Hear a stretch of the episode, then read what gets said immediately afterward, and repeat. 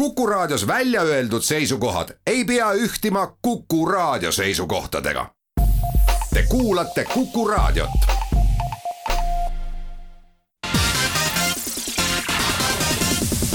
nädala Tegija. ja tere nüüd ka Nädala Tegija stuudiost. olen seekord kutsunud külla uue Terviseameti peadirektori Üllar Lanno. tere, Üllar Lanno, tere tulemast Nädala Tegija saatesse. tervist kõigile kuulajatele. Saatejuht on Ulla Lents. Üllar Lanno, teil oli eile esimene tööpäev. no kuidas läks? noh, kuidas ma ütlen, algas äh, väga üllatuslikult, et äh, kõigepealt hommikul lagunesid kohe mu prillid ära, enne kui ma üldse tööle sain minna. Ja õnneks oli äh, Stockmanni poes mu endine kolleeg, kui ma instrumentaariumit juhtisin, nii abivalmis, et ta andis mulle tööriistad ja, ja kruviraami kruvi, selle mutri ja ütles, et kuule, sa oskad küll, et tee ruttu kähku korda, et siis saad kiiremini et see oli see jah, et kõigepealt tuleb ennast nägijaks teha ja siis on võimalik päeva alustada, aga minister tutvustas mind töötajatele ja siis me vestlesime töötajatega umbes poolteist tundi. Tavaliselt on alati öeldud, et, et seal on ju selline masendus ja, ja inimesed on väsinud ja üle töötanud, siis noh, minule seda küll ei tundunud, et selle vestluse käigus oli meil väga selline soe ja, ja, ja avatud vestlusega olukord, kus pahatihti tulid isegi sellised rõõmu naerupurtsakad teksti sisse, et et ma pigem vaatasin seda, et nad olid leidnud enda jaoks mingisuguse lahenduse jälle, et on olemas juht, kes neil seisab eesotsas ja kes neil aitab edasi minna. et noh, kindlasti Marianne Härma, kes oli seda rolli kandnud, oli teinud seda suurepäraselt, aga noh, mis seal salata, koroona võttis tal äh, kogu selle tähelepanu ära ja ja noh, reaalselt sellist nagu asutuse juhtimist oli äh, tõenäoliselt ainult äh, hädavajalikel juhtudel Te asusite ametisse päeval, mil Eestis see nakkusnäitaja ületas selle müstilise viiekümne piiri no ma ei tea, kui tõsiselt me sellesse indikaatorisse kogu maailmas üldse praegu suhtume, sest et on räägitud ka, et on olemas teised indikaatorid, aga ikkagi see, et viimastel nädalatel nakatumine järjest kasvab, see on fakt, ükskõik missuguse indikaatori järgi sa siis nüüd vaatad seda. Kas sellisel ajal asuda ameti etteotsa on, no see on ikkagi väga suur väljakutse, et kui raskeks te enda jaoks seda väljakutset peate? noh, tegelikult mina enda jaoks ei pea seda üldse raskeks, sest äh, ega siis äh, viirushaigus või nakkushaigus ei ole midagi erilist äh, tavapärasest inimeste ravimiste, ravimise temaatikast, et ma arvan, et arst, kes on õppinud kuus aastat noh, ikkagi ülidetailse täpsusega kogu protsessi, mis toimub inimese sees ja mis inimest ohustab, Äh, ma arvan, et sellisel arstil tegelikult ei ole äh, erilist kõhklust, et äh, kas ma nüüd tervishoiu mõttes saan selle protsessi või asjadega hakkama. et pigem on võib-olla olukord, mis, mis ei sõltu sinust ja, ja kus üks koma kolm miljonit Eesti elanikku saavad oma käitumisega teha olukorra kas hullemaks või siis paremaks. Ja, ja ma arvan, et pigem nagu väljakutse tekib alles siis, kui äh, me jõuame sellistesse faasidesse, mis kevadel oli äh, Brasiilias või Venezuelas, et et Eestil on tegelikult läinud ju väga hästi tänaseni ja, ja noh, see, et äh, haigestumus iga sügis tõuseb, seda me tavaliselt ei ole märganud äh,, ei ole ka näidatud äh, haigestumist erinevatesse viirushaigustesse üksteise kõrval, mis annaks võrdluse võimaluse näha, et kas see koroonaviirus on nüüd kõige äh, Äh, tähtsam ja kõige kõrgemal, lihtsalt tema mõju on täna olnud meie igapäevategevusele, äh, kas siis tegevuse sulgemisele või, või siis igapäevasele toimetamisele nii suur, et meil on te tekkinud teatud selline äh, aukartus või umbusk selle koroona enda suhtes. No te olete küll teist päeva ametis, aga ilmselt organisatsiooniga tuttav, et kas organisatsioon Terviseameti näol on praegu tegutsenud nii, et arvestades, mida me sellest viirusest teame, et see tegutsemine on olnud optimaalne või peaks midagi päris teistmoodi tegema? no kõige naljakam on kogu selle asja juures see, et ma olin viisteist aastat, tegutsesin sisejulgeolekus siis krimilabori juhina ja mul ei õnnestunud ühtegi sammu astuda Terviseametisse. ehk tegelikkuses kandideerimise periood oli esimene kord, kui ma sinna sügavamalt sisse kaevasin. ja noh, esimene, mis mulle silma jäi, oli äh, ikkagi äh, inimeste vähesus ja alles olevate inimeste üüratu töötahe. Et selline äh, võib-olla kohati ka üliinimlik pingutus on täna olnud aluseks sellele, et kui te võtate lahti Terviseameti koduleheküljes need juhismaterjalid, mis tekkisid vahetult mitmes erinevas keeles, väga korrektsed, ilusa väljanägemisega ja hädavajalikud kõigile sektoritele, olles siis majutus, turismindus,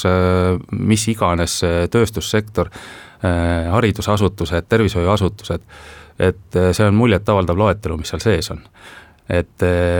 noh, ütleme oma rolli äh, selle leviku kiireks seismajäämiseks või pidurdamiseks kandsid nad välja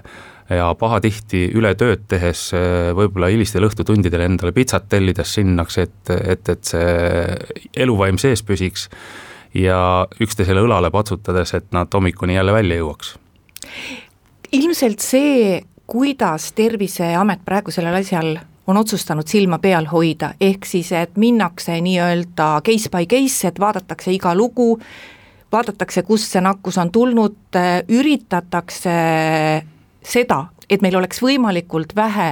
põhjust öelda, et inimene nakatus, aga me ei tea, kuidas. et kas see on võimalik parim lahendus? ma olen selles mõttes nagu veendunud, et äh, meil on tegelikult ju kolm erinevat versiooni. esimene versioon on see, et panna ühiskond täitsa lukku, öelda, et kõik on kodus. teine võimalus on äh, olla seal kohal, kus äh, mure on kõige suurem ja leida kiire lahendus, kuidas selle murega jälle jõuda normaalsusesse tagasi.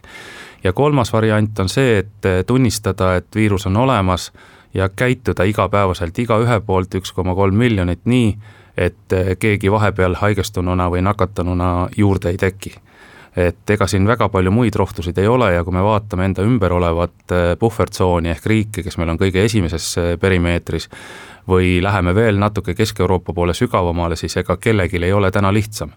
et äh, Eesti ühiskond on selles mõttes eelisseisus, et ta on oluliselt väiksem kui teised ja selle tõttu tervishoiusüsteemi ja ka riigi enda võimekuse ja, ja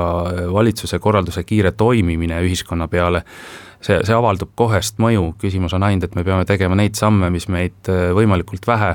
viiks isolatsiooni, kuna noh, ikkagi Euroopa mõttes me ei ole keskel, äh, kus, kus teised on, kus on ka võib-olla natuke suuremad äh, finantsvõimalused, et elada tuleb ka nende päevade nimel, et kui viirusperiood on möödas, aga me oleme kõik ressursid ära kasutanud selle tõttu, et me ei osanud targalt käituda sellel ajal, kui haigus oli siis ma arvan, et siis me teeme lihtsalt iseendale pikas vaates väga palju haiget. kui palju maailmas on vigu tehtud, et äh, ei saa ju kedagi süüdistada, et märtsikuus äh, tehti ka igasuguseid imelikke otsuseid, ma ei räägi Eestist, kogu maailmast, mitte keegi ju ei teadnud, kuidas käituda ja ma arvan, et maailmas ei olnud ühtegi valitsust, kes tegi selle koroona suhtes väga tarku ja läbimõeldud otsuseid, sest et informatsiooni oli tohutult vähe. et äh,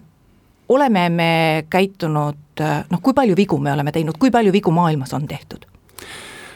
noh, ma arvan, et iga inimene eksib ja, ja selles mõttes ei tasu endale illusiooni luua, et äh, Eesti käitus kuidagi nagu targalt ja paremini, et äh, see viirus üllatas, äh, ma arvan, et sellele viirusele alguses noh, ta paistis meile ju idast väga pikalt välja ja me ei uskunud, et ta on nüüd ja siin ja samas kohal et ma toon ühe paralleeli võib-olla siia kõrvale oma varasemast tööst, et eh, kui olid terrorirünnakud, siis me ka mõtlesime, et noh, Hispaania kuskil kaugel eh, või, või Pariisis või nad on nii meist kaugel, aga kui sa paned nad aegjadasse mingisuguses seitsmes või viies aastas ja näed, kuidas ta äh, iga-aastaselt hakkas meile lähenema, ühel hetkel õnneks ta nüüd seiskus, kuna piirid läksid ka kinni ja Covid aitas sellele natuke õnneks kaasa. Aga ei saa eeldada, et mingi asi ei jõua sinuni. Äh, pigem on, ma võib-olla tooksin siin välja, et me, me ei tegutsenud ennetavalt liiga kiiresti. Ja me, me ei suutnud võib-olla mobiliseerida seda, ütleme, info kontsentratsiooni selliseks, et ta töötaks parimal võimalikul moel et meil oli väga palju erinevaid äh, infotarbijaid või selliseid gruppe, kus see oluline informatsioon jõudis ja sellest ei suudetud sünteesida siis noh, hetkel kõige paremat asja noh, kindlasti me sellest oleme õppinud ja täna tegutsevad teadusgrupid äh, sellise taustajõuna, tegutsevad juba äh, erinevad rühmitused, kes äh, valmistavad ette kas siis reaalselt kriitiliste tugistruktuuride toimimist. Sellel hetkel, kui raskeks võiks minna, mõtlevad välja erinevaid lahendusi, kuidas suurt riskigruppi eemal hoida sellest haigusest, et me ei viiks neile nakkust ise koju või, või siis hooldekodusse või kus iganes kohta ja, ja tõstavad ka teatud piiranguid, aga noh, piirangute jaoks on ju täna väga selge, et et me oleme ka kindlasti sellest õppinud, et selline väga kiire kinnipanemine tekitab omakorda ütleme, väljatuleku sellest kinnipanemisest pikendatud aja ja seda me kindlasti ei teadnud sellel hetkel, et kuidas see mõjub ühiskonnale. Me teeme siinkohal oma jutuajamisse pisikese pausi ja läheme hetke pärast edasi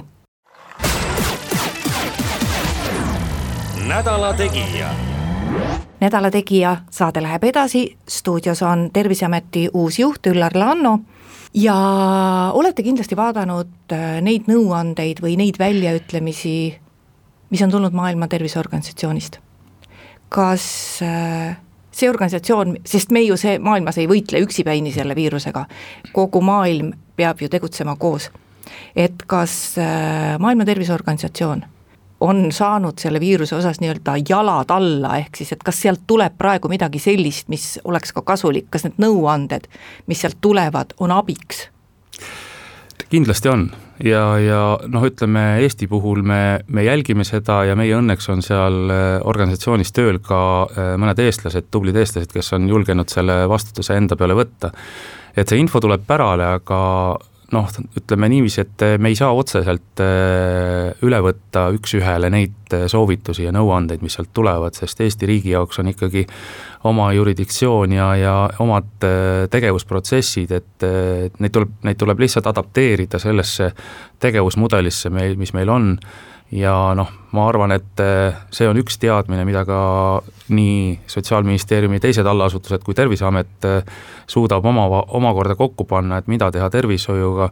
eh, küll aga siin kõrval peab olema kohe juriidiline abi, et aru saada, et kas ütleme, inimeste tegevusvabadus või igapäevane elukorraldus saab säilima samaväärsel tasemel, nagu ta on olnud, et, et meil ei tekiks selle ütleme, ühelt poolt oleva Äh, pealesurutava tegevuse kaudu jälle kahjusid teises majandussektoris või kuskil mujal. ja kolmandaks äh, tõenäoliselt on äh, väga oluline faktor see finantsfaktor, et kui me võtame maksumaksjate hulka Eesti riigis ja, ja võib-olla ka majanduslikult veel halvemaks minevat situatsiooni, siis ega ju maksumaksjaid juurde ei tule ja see on seesama raha, mida me igapäevaselt kasutame, kas siis isikukaitsevahendite ostmiseks, tervishoiusüsteemi ümberkorralduste tegemiseks või või siis ka reaalselt pärast vaktsiini ostmiseks? No eile ütles ka sotsiaalminister pressikonverentsil, et vaadates viimaseid numbreid, me väga kiiresti liigume jälle uuesti hädaolukorra suunas. Nii ta on, et olukord iseenesest on tõsine ja, ja ma arvan, et äh, tõsine on ta just sellepärast, et äh, meil on täna veel võimalus oma käitumist muutes anda sellele ohu, ohuolukorra tekkimisele oluliselt aeglasem tempo. ja noh, need numbrite kasvud, et mind ennast on väga äh, sügavalt imestama pannud, et miks just Ida-Eesti ja miks kaks korda suurem kui Eesti keskmine. et äh, tõenäoliselt äh, on vaja nendesse numbritesse minna sisse, aga, aga ma tahaks veel öelda, nii nagu me saate alguses ka saatejuht ütles, et Äh, me võime klammerdudagi selle nakkusnäitaja külge ja vaadata ilusasti, kas ta tõuseb või kas ta langeb, et noh, tegelikult on väga palju erinevaid teisi parameetreid, mille peale inimesed igapäevaselt ei mõtle. noh, näiteks äh, väga lihtne näide, et äh, kui on võib-olla krooniliselt raske haige või, või on vähihaige, kellel on vaja teha kopsupilti, aga ta on Covid positiivne, et kus ta seda siis teeb? kas ta teeb tavainimestega üksteise kõrval või on tema jaoks tehtud mingi erirežiim, et, et see Covid ei ole ainult see, et me paneme pulga ninna ja võtame selle proovi ära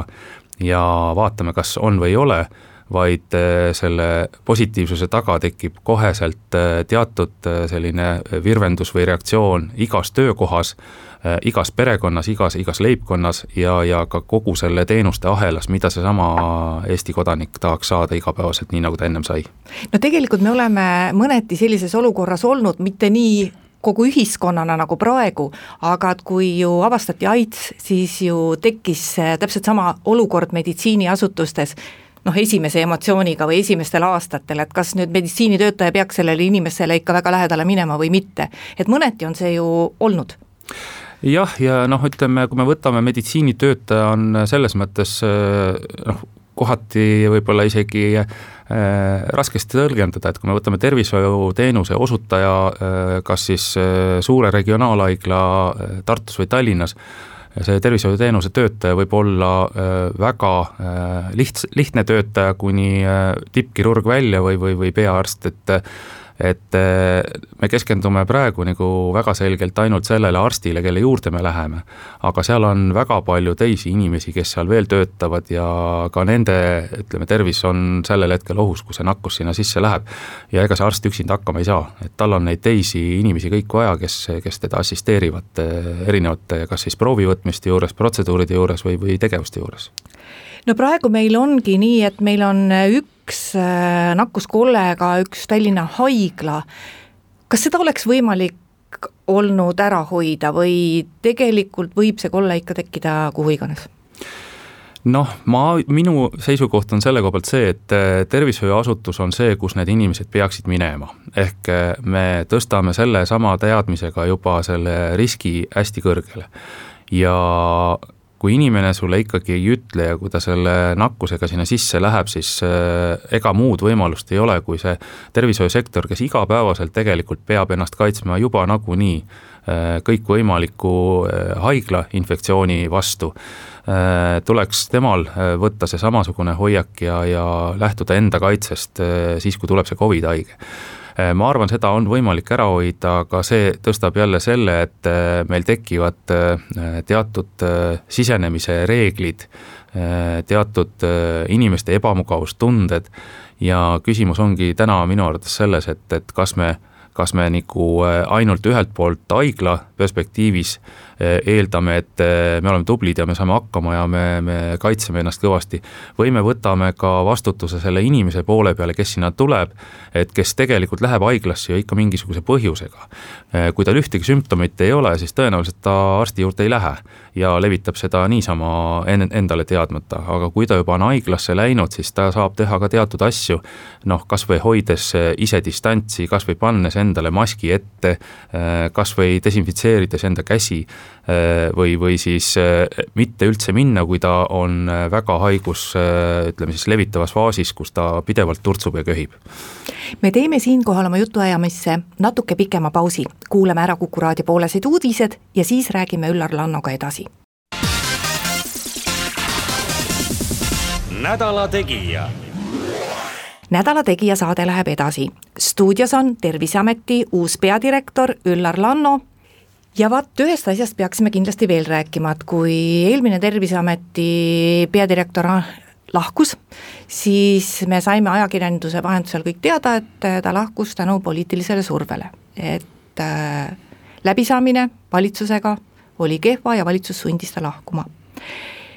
selge on ju see, et Äh, valitsusega ja poliitikutega tuleb selles ametis kõva koostööd teha, eriti kui me peaksime jõudma selle hädaolukorrani, sest hädaolukorra tingimustes on äh, Terviseametil epideemia edasise leviku osas juhtiv roll ja mõneti Terviseameti peadirektori sõna noh, on praktiliselt Eestis nagu kõige kõvem selles temaatikas. olete te valmis selliseks ka poliitiliseks surveks, kuigi ma arvan, et ega see ei ole nagu, ei tule üllatusena, sest et äh, teie eelmises ametis ilmselt tuli ikka ka poliitikutega kokku puutuda. jah, see, see noh, sõnakõlks, et poliitiline surve, et äh, mis see tegelikult tähendab, et äh, kui ma, ma olen selles valdkonnas nüüd kuusteist aastat tippjuht olnud ja igapäevaselt või igakuiselt on mul mingi episood olnud, kus ma olen pidanud äh, suhtlema väga kõrgel poliitilisel tasemel olevate inimestega. see suhe algas mul juba kahe tuhande viiendast aastast, et enne, kui ma veel päris tippjuht ei olnud, ma olen neid inimesi näinud kõrvalt, ma olen nendega koos töötanud, ma saan aru, mis vastutus ja roll ka nendel on ja ma pigem ütleksin seda asja niiviisi, et äh, inimene ei saa kõiges asjas tark olla. Äh, nii nagu ei eelda me täna seda, et äh, kohtunik, kes inimeste saatuste üle mõistab kohut, et ta peab teadma peensusteni nüüd näiteks mitokondriaalse DNA ekspertiisi süva, süvaoskusi omama või teadma, mis see, mis see tegelikult näitab. et mul on hea meel, kui ma käisin veel enne seda, kui ma olin peadirektoriks saanud äh, peaministri juures äh, koos sotsiaalministriga äh, arutamas laua taga koos Irja Lutsariga ja, ja siis toonase veel kohusetäitjaga olukorda ja esimene nagu selline äratundmisrõõm, mis mul seal oli, et ma oskan tõlk olla seal vahel. sest kui peaminister küsib asja, et äh, mis me teeme ja kas on nii, äh, ütleme juba raske olukord, et oleks vaja teha, siis tõenäoliselt teadusmaailmas tegutsevad inimesed omavad liiga palju informatsiooni selleks, et öelda ära, et mis on, ütleme, ajakohane just tänasele olukorrale nüüd ja kohe ja, ja ainult sellise hea äh, infovahetuse üksteisele äh, selgeks tegemisel, mis on ühe äh, versiooni või teise versiooni head ja vead, on võimalik kaaluda välja see, mis on ühiskonna jaoks vajalik ja seda on peaministril palju julgem välja öelda, kui seda, et kui ta peab aimama talle ette antud asjadest, et aga Tšehhis oli nii ja, ja Poolas oli nii ja ja vali nüüd, mis sulle meeldib, et noh, päris nii see käima, käima ei peaks, sest noh, päeva lõpuks, kui otsus tehakse siis see puudutab igat ühte meid siin praegu sel nädalal just äh, andis äh, valitsus Riigikogule üle tuleva aasta riigieelarve. kui vaadata nüüd raha poole pealt, mis on ääretult tähtis, sest et äh, ega see kriisi lõpp ei paista veel ja see tähendab seda, et see asutus mida te hakkasite juhtima, peab olema ka korralikult rahastatud. et äh, kuidas selle rahastuse poole pealt on, et kuidas eelarve poole pealt praegu tundub, et äh, noh, testimine läheb ju, me ise näeme, iga päevaga suuremaks. praegu inimene ei tohi tööle tulla, kui tal on väikegi nohu, ta helistab kohe oma perearstile, läheb äh, testima, testid ei ole odavad, et kuidas rahadega välja tullakse ma arvan, see on väga vajalik küsimus, et äh, täna on olemas raha, mille, millega seda teha, et valitsus on äh, sihtotstarbeliselt tõstnud testimise võimekust äh, just nüüd lähiperioodis, aga kui me mõtleme jälle natukene suuremalt, et see raha tegelikult ju tuleb olemasoleva tervishoiusüsteemile koormaks juurde ja see tuleb kuskilt ära, sest maksumaksjate hulk ju ei suurene et eh, kõik need abid, mis meil Euroopast tulevad, loomulikult need rakendatakse ka selle taha ja eile ma tegin omale eelarve ülevalt alla selgeks, et et pilt ei ole halb, meie maja pilt ei ole üldse halb, et seal on võimekust palju ja see juurde tulev raha on kindlasti väga suureks abiks et eh, mis ma, mis ma nagu ise olen ainult eh, oma peas kiiresti läbi lasknud, et eh, kui me täna võtame kogu siis inimeste tervisesse investeeritava või sellise haiguse kandjate väljaselgitamise hulga peale kuluva raha suuruse ja korrutame selle kaheteist kuuga, et mitu aastat me saame korrutada seda järjest, et me ühiskonnana selle vastu peame. sest ma arvan, et meil ikkagi on vaja väga selgelt võtta isiklik hoiak selle suunas, et selle testimise vajadus langeks, mitte ei oleks nii, et ta oleks konstantses tõusus, sest noh, ühel hetkel meil on, ongi lihtsalt äh, ainult testimiskeskused ja, ja ma arvan, seda me keegi ei taha kui lootusrikas äh, olete vaktsiini suhtes ja kas äh, vaktsiin võiks noh, ta teeb kindlasti midagi paremaks, annab kindlustunnet, kas ta võiks meid päästa? Sellest olukorrast, mis me oleme nii igapäevategevustes, meditsiinilises mõttes, aga ka majanduslikus mõttes? ma arvan, et võiks, sest noh, kui võtta, vaadata praegu ülejäänud vaktsineerimisi, mida me ennetavalt teeme juba sealt varases lapseeas, siis äh, kindlasti on äh, nendel lastel olnud äh, haigusesse nakatumise võimalus oluliselt madalam kui nendel, nendes riikides, kus seda ei tehta või, või, või need vanemad, kes seda ei soovi aga noh, kui võtame vaktsiini praegu, siis vaktsiini väljatöötamise protsess äh, tavaolukorras on kuskil kaheksa kuni kümme aastat, Covid tuli meile kevadel täna on turbotempos kõik riigid ja nende sees olevad suured farmaatsiakorporatsioonid üritanud seda vaktsiini tegema hakata ja selle jaoks on vaja läbida väga selgelt erinevad faasid, millest üks on siis see, et neid peaks katsetama inimese peal. ehk minu enda tunnetus, kuna ma olen selles valdkonnas töötanud, siis äh, on äh, selline, et äh, see esimene vaktsiin tuleb meile ära. selle tootmismaht ei ole kindlasti väga suur, seda hakkab tulema tõenäoliselt kõige rohkem nendele, kes on kõige ohustamud, ohustatav grupp või, või need teenused, mida me taht-, tahame elutähtsatena alles jätta Eesti riiki, et nende, nende töötajad peaksid saama ka neid siis varasemalt kui teised ja teine asi on see, et eh, see vaktsiini kohta käiv oskus ja teadmine, kuidas ta mõjub, tekib selle käigus peale vaktsineerimise alustamist, noh, mis võiks olla järgmisel aastal kuskil eh, veel mitu-mitu aastat edasi, et näha, kas tal on teatud kõrvaltoimeid ja kas tal, eh, kas sellel viirusel on ka võimekus selle vaktsiini ütleme, vastu ennast hakata muutma, et noh, see need on need geneetilised uuringud, mis sinna otsa tulevad mul on ühe asja üle väga hea meel, et äh, on olemas teatud biopangad äh, maailmas, kes on äh, kolmkümmend ja aastakümneid korjanud vereseerumeid, need ära külmutanud ja hoidnud neid niinimetatud laos või, või arhiivis. Siis kõik need vereseerumid täna üles sulatades on võimalik katsetada seda vaktsiini ja uurida selle toonaste viiruste mõju mõjule siis millist efekti see uus vaktsiin omab. Ja see annab sellise tagasiulatuva teadmise, noh, mis võib siis olla ka analüüsitud tänase andmeanalüütika pinnalt, et milline vanusegrupp seda kõige kergemini sellele vaktsiinile kasu sai, et kas seda oleks selle tõttu vaja muuta, et millises aastaajas ta kõige paremini mõjus Äh, ja nii edasi ja nii edasi, et noh, ütleme seda äh, tagantjärgi tarkust on võimalik ühtepidi ammutada, küll aga ma pean ütlema, et äh, ega me sellest kaheksast aastast reaalselt ei pääse, et tõenäoliselt vaktsiini tulemise järelt hakatakse alles aru saama, et mis tast see tõeline kasu on. me teeme ühe pausi oma jutuajamisse veel ja läheme õige pea edasi. nädala Tegija. nädala Tegija saade läheb edasi stuudios on Terviseameti peadirektor Üllar Lanno. Ja Üllar Lanno, mida siis nüüd inimesed ise vaat selles tänases olukorras tegema peaksid, et ma saan küll aru, et tuleb hoida distantsi, pesta käsi, mitte minna võõrastele inimestele ninapidi liiga lähedale, no eestimaalased seda vist nagunii ei tee, aga ikkagi, et kevadel kui see kõik algas, siis meil ei olnud ju, esiteks meil ei olnud mingeid teadmisi, täna meil natukene on, ja noh, meil ei olnud ka mingeid kaitsevahendeid ja mitte tavakodanikel, vaid tegelikult ei olnud ka meditsiiniasutustes seda kaitseatribuutikat just liiga palju.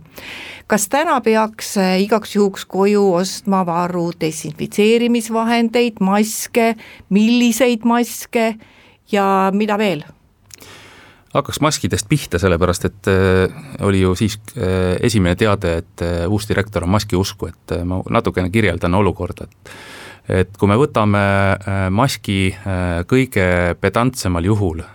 noh, mis minu teadmiste juures on operatsioon inimese kõhus, kus on otsene vajadus kõik bakterid ja viirused eemal hoida selleks, et operatsiooni järgselt see, see haav lihtsalt ei läheks mädanema või halvaks sellisel juhul kirurg enne operatsioonisaali ja kõik töötajad, kes seal on, äh, panevad maski ette nii, et see oleks steriilselt pandud. Äh, teine juhus on see, kui on vaja võtta DNA proov kurjategija kohta ainult ühest kohast, kus ta on nähtamatu ja ta ei tohi, see proovivõtja ise sinna enda DNA-d juurde jätta sellisel hetkel on tõesti jälle maski äh, vajadus äh, noh, ülimalt oluline ja pedantsus väga oluline, neid maske vahetatakse mitu korda päevas seal on oma spetsiifika, kuidas seda vahetatakse. Et äh, kui me täna võtame, vaatame, mis on maski eesmärk, et maskil on ju kaks eesmärki, et esimene on see, et mina kedagi ei nakata sellel hetkel, kui ma selle endale ette panen, see on selline hoolin ja, ja, ja saan aru eesmärk ja teine eesmärk on see, et kui ma lähen ühiskonda, ma ju ei tea, et kes on hoolimatu ja et ma ei hinga sisse seda lendavat äh, haigustekitajat, kes selles ruumis võiks olla. Kui siit nüüd edasi mõelda, siis järgmine etapp võiks olla see, et meil on kindlad haiguse väljenemise tunnused, sest hingamisteed on nii üles ehitatud, et sa paiskad endast eemale võõrtekitajaid, kui need sinu sisse satuvad. Ja, ja see tähendab seda, et nad lendavad kaugele kiire taganttõukava jõuga ja vaja oleks nad kuidagi seisma saada. Et äh, see on see mõte tegelikult sellel maskil, kui me räägime ühiskonna mõttes, et äh, mis ta tegema peaks, et, äh, et loomulikult maskil ei ole mitte mingit mõtet, kui ta pannakse ette ainult sellepärast, et keegi kontrollib. ja, ja selle, selle pealt ei tasuks seda teooriat üldse püsti ajada. et kui kontserdi lõpuks, kui päike ära loojub ja mask vajub lõua alla ja kõigil on lõbus olla, siis sellel maskil ei ole mitte mingit mõtet, seda enam, et see toimub väljas ja looduses ja inimeste vahel on niikuinii suur distants et pigem peaks mõtlema selle peale, et kui sa lähed äh, bussi või kui sa lähed sellisesse kitsa ruumalaga pinnale, kus on hästi palju võõraid inimesi sinu ümber ja sul ei õnnestu hoida seda kahemeetrist distantsi, siis äh, ma arvan, et see loetud minutid selles keskkonnas olles bussiga peatusest A peatusesse B sõites, suudad sa ennast selle maski ette pannes rohkem kaitsta, kui siis, kui sul seda ei ole nüüd on äh, küsimus, et vot missugused maskid, et ega meedia on nende maskide kohta kirjutanud igasugust juttu, et noh, mõned ei kõlba üldse, äh, mõned oleksid nagu täiesti lollikindlad, ma mäletan, et kui kevadel kuskilt polnud maske saada ja siis ma järsku avastasin, et mingist ajast oli jäänud koju üks see kolm M-mask, mille kohta ma olin kuulnud, et oi, et see on mingisugune eriti super asi, siis see on mul nüüd siiamaani kogu aeg kaasas, noh, kas, kas ma nüüd tõesti nagu liigselt rõõmustasin või, või mi-, mis üldse on otstarbekas teha või kuidas me suhtume, et et kas ikka see sall seal näo ees nagu on mõttekas või mitte? noh, ma arvan, et igasugune kaitse on tegelikult mõttekas ja, ja noh, kui vaadata seda maskitralli, eks ju, mis siin üle Euroopa toimub, siis Euroopa Liit on sinna juba reageerinud, minu teada on välja töötamas markeering maskidele, mida siis liit lubab oma territooriumil reaalselt turustada ja jagada. Ja, ja Tehnilise Järelevalve Amet on täna see üksus, kes on neid eh, tulevikus kontrollimas, et see markeering vastaks lubatud eh, standardile, mida siis Euroopa Liit on eh, ette kirjutanud. Et noh, ma arvan, et me võime siin rääkida maskidest kolm päeva. Ja, ja skafandritest kuni siis tavalise salli suu ette panemiseni, et minu arvates on nagu äh, ikkagi päeva viimaseks hetkeks vaja aru saada sellest, miks me maski kanname et eh, kui me maski tahame kanda, ütleme siis ilu pärast, eh, noh siis võib seda teha niiviisi, et panna sinna ette, ütleme, eh, neid samu emotikone, kes meil on mobiiltelefonis ja, ja dekoreerida teda Swarovskitega ja teha mida iganes, et et noh, ma arvan, peaks ikka võtma selle hoiaku, et me hoolime teistest, ja me paneme ette maski, mis on siis sellel hetkel mul kättesaadav, ei pea pinglas, pinglaselt ostsima mööda linna või poodi taga, et kellel on nüüd paremad maskid, kas temal või teisel. Äh, need sõnumid Terviseameti poolt kindlasti tulevad, kui on vaja maski jaoks mingit erisust tekitada. Äh, noh, kõige lollikindlam minu jaoks on täna ikkagi arusaam, et äh, see mask, mida müüb tervishoiuvõrk ehk siis apteegivõrk, see mask, mida kasutatakse siis, kui sa usaldad oma keha operatsiooni ajaks arstide kätte operatsioonisaali, kui ta paneb kirurgilise maski ette, siis noh, ütleme selle maskiga kindlasti mööda ei pane. aga usaldage tulevikus seda markeeringut, mis maski peal on ja ma küsiks veel, enne kui saade läbi saab, ka eelmise töökoha kohta, et noh, ma kujutan ette, et töötamine Eesti Kohtuekspertiisi Instituudi direktorina on parasjagu põnev ja ilmselt ka väga äge väljakutse, et missuguses seisus jääb praegu see instituut teist maha ja, ja mis tasemel me selles valdkonnas, mida tavainimene tunneb ju ainult nende igasuguste krimifilmide kaudu, et mis tasemel meie selles valdkonnas üldse maailmas oleme? no ütleme, see mahajääv organisatsioon on kordades tugevam kui siis, kui ma alustasin kaks tuhat kuus ja ma arvan, et äh, see ka ütleme, tunnustus, mis täna rahvusvaheliselt sellel organisatsioonil on, kus meid kutsutakse teistesse asutustesse tööle ja meie, meilt tellitakse raha näiteks põhjanaabrit või tööd põhjanaabritele, et äh, kui me alustasime oma tegevust kahe tuhandete aastate alguses, siis me olime niinimetatud arengumaa, me saime teistest asutustelt äh, vana ülejäänud mööbli ja, ja võib-olla mingisugused tõmbekapid tehnoloogiliselt me oleme väga kõrgel tasemel ja noh, ma arvan, et äh, ka saatejuhile ma soovitan äh, külastada ja vaadata seda uut äh, DNA teise põlvkonna seadet, kes suudab ka sellest proovist ära öelda, mis värvi nägu on ja mis värvi silmad on ja mis värvi juuksed on, et ja veel palju muud. et seal on tehnikat tulnud juurde ja juurde, nii et noh, mis ma, mis ma nagu oskan öelda, ma olen kümme aastat enda kõrval kasvatanud seda inimest, kes võiks äh, olla järgmine asutuse juht, äh, ma olen investeerinud päris pikalt aega keskjuhtimise tasemesse, äh, see on väga tugevaks toeks tänasele tippjuhile, seni kui see uus sinna päris paika saab, see kompetents isi-, inimeste tarkuse pealt on tegelikult maailma tasemel, see keskmine vanus on suhteliselt kõrge, see mind natukene võib-olla täna kurvastab, et äh, see noorte pealekasv ei ole olnud piisav ja vanade kogemus on vaja kellelegi üle anda, aga üldjoones ma võin öelda, et ta jäi väga heaks, väga heas seisukorras maha ja, ja õnneks tänane Justiitsministeeriumi juhtkond äh, on ka viimastel aastatel järjekordselt andnud sinna raha peale, mis annab võimaluse olla teiste riikidega samaväärses, samu rütmis. ja lõpetuseks veel kogu selle viiruse perioodi Terviseameti suhtlus avalikkusega, mis käib läbi meedia, kas see jääb samasuguseks, kas peaks midagi veel tegema, kuidas sellega on? ma arvan, et iga asja saab paremaks muuta, et kui me võtame minu sellise põhiolemuse, mis on ikkagi kvaliteedi eh, juhtimise kaudne tegevus, siis seal on üks printsiip, põhiprintsiipidest on eh, jätkuv edasiarendamine. ehk et pisikesi asju saab paremaks muuta ja, ja sõnumeid saab rikastada, aga ma tooksin võib-olla siinjuures kuulaja korra külastama kodulehte terviseamet.ee ja selle eraldi Covidile pühendatud rubriiki ja kui tal on ka teises keeles sõber, saatma edasi sellele teises keeles sõbrale just tema emakeeles oleva või arusaadavas keeles oleva versiooni, kas siis vene või inglise keeles ja ongi meie saateaeg läbi saanud. aitäh, Terviseameti peadirektor Üllar Lanno tulemast Nädala Tegija saatesse. saatejuht ütleb kuulajatele ka aitäh kuulamise eest ja järgmine Nädala Tegija on eetris nädala pärast, kuulmiseni. nädala Tegija